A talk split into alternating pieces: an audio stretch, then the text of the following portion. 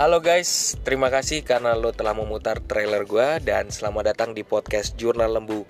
Bersama gue kita akan bahas soal masalah keuangan di sekitar kita.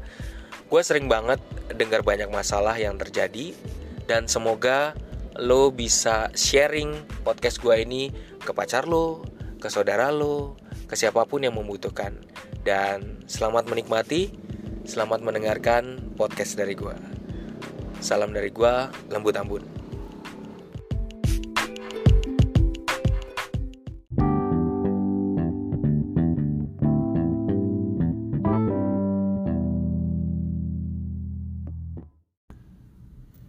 Ketemu lagi dengan gua Lembut Ambun di Jurnal Lembu Dan ini habis pulang kerja dan berasa capek banget Tapi juga uh, akhirnya selagi dalam perjalanan sebenarnya udah ada ide terus kemudian ya langsung aja gue bikin podcast ya.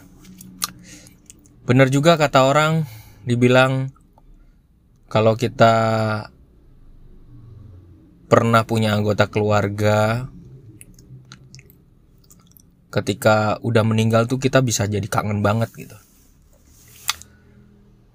Kangen atas apa yang pernah dia tinggalin gitu buat kita Oke, kali ini kebetulan gue lagi ngomongin mendiang papa gue.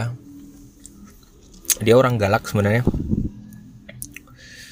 Dari Timur Timur. Dan yang bikin gue kangen sama dia adalah peristiwa gue di masa kecil. Nah, menarik kan? Gue punya masa lalu di masa kecil masa lalu yang kurang baik. Kurang bagus. Papa gue tuh galak dan sering berantem juga sama ibu. Dan dia keras kalau ngajarin anak-anaknya dan termasuk ke gue dan jujur kalau apa yang paling gue takutin semasa gue kecil adalah kalau dia pulang dalam kondisi marah atau dia tuh galak karena menuntut sesuatu ke kita gitu. Itu yang paling gue takutin. Always karena gue rasa itu menjadi masalah yang semasa kecil gue susah banget terselesaikan gitu. Paling gak itu gue rasain sampai SD SMP ya masa SD SMP gitu. Sedangkan apa yang gue rindukan terkait dengan papa gue adalah gue berharap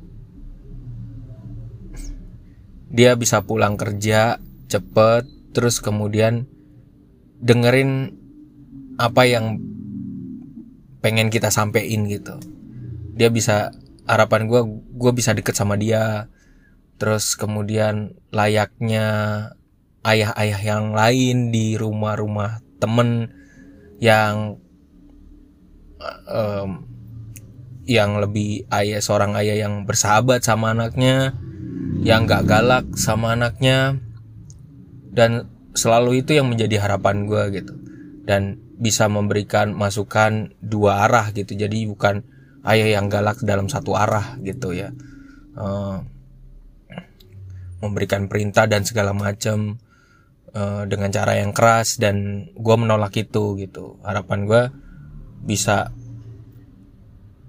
sang ayah juga bisa dengerin keluh kesah hati kita.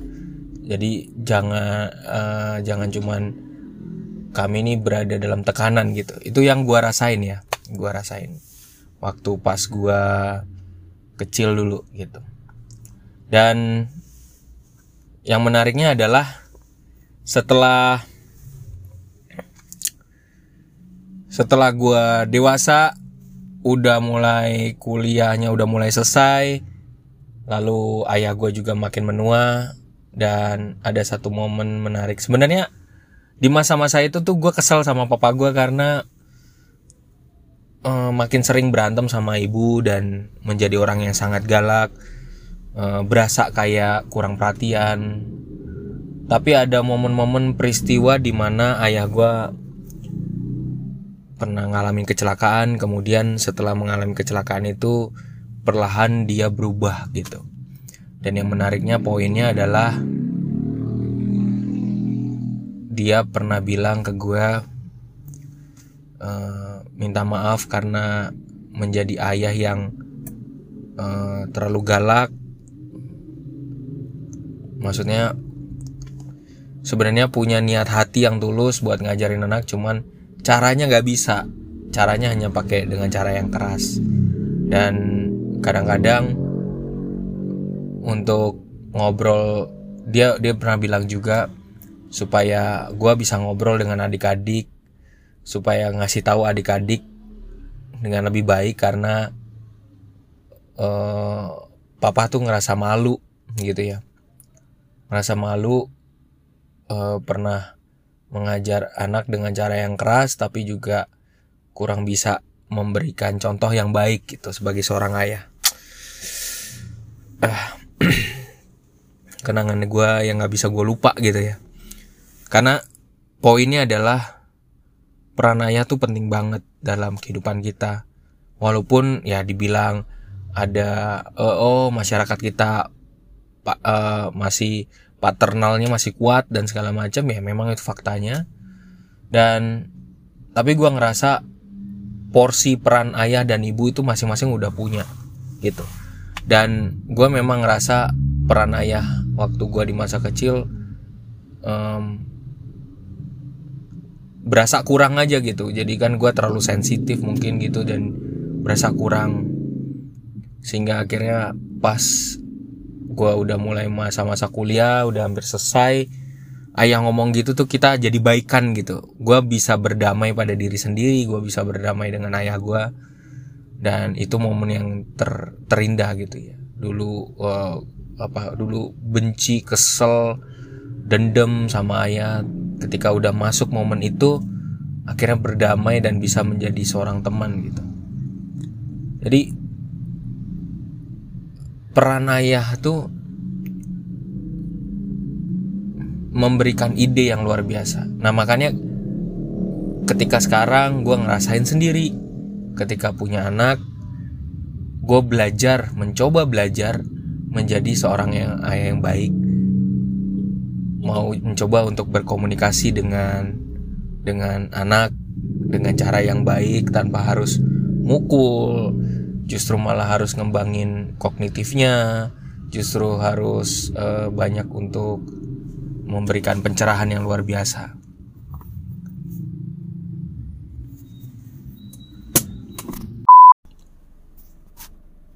menurut gue ayah itu menjadi simbol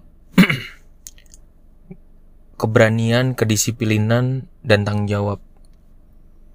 Menurut gue di situ porsinya. Karena gue memang melihat sendiri ini subjektif banget ya.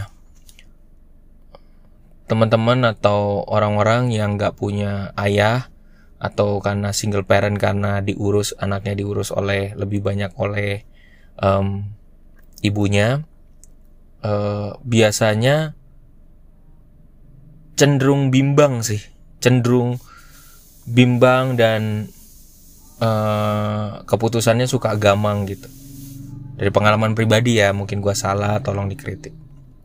Tapi hal ini uh, apa ya mengingatkan mengingatkan pentingnya peran ayah gitu juga uh, buat apa ya uh, sosok ayah itu menjadi sosok yang mengayomi dan melindungi, memberikan kehangatan. Believe it or not, menurut gua peran ayah tuh penting banget di situ gitu. Ya, jadi itu simbolnya dia di situ simbolnya. Menurut gua dari pengalaman gue jatuh bangun berhadapan dengan ayah gue yang sangat kasar dan akhirnya bisa berdamai. Gue gue seneng sih. Gue seneng akhirnya bisa berdamai dengan ayah gue gitu momen-momen dia di masa tua gue senang banget dan dia menjadi seorang teman gak nyangka aja coba kalau gue dulu berantem terus ya gitu dan papa gue nggak mendapatkan sebuah peristiwa apa ya kecelakaan gitu mungkin dia nggak berubah gitu dan gue nggak nggak nggak mendapatkan uh, sosok sosok seorang ayah gitu buat di mata gue gitu. Dan ketika ayah gue udah mengalami kecelakaan gue ngerasain ngerasain banget gitu. Sosok oh ini nih nih. Sosok ayah yang gue pengenin gitu. Dan gue mendapatkan itu gitu. Menarik. Lagi-lagi podcast gue nggak selalu so bicara soal uang doang ya. Tetapi ada elemen-elemen penting uh, keterkaitan satu sama lain um, di sekitar soal pendidikan karakter keuangan gitu ya karena pertama-tama pendidikan karakter keuangan bukan juga karena soal masalah dia punya banyak duitnya atau enggak, tapi ada faktor-faktor penyebab, faktor-faktor yang mempengaruhi uh, kemampuan uh, seseorang itu uh, dalam soal masalah keuangan ya. Jadi ya gitulah. Peran ayah itu penting. Thank you untuk malam ini. Terima kasih buat rekan-rekan muda yang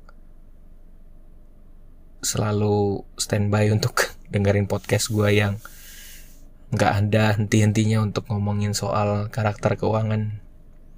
Dan thank you teman-teman udah setia sampai di angka podcast kali ini. Semoga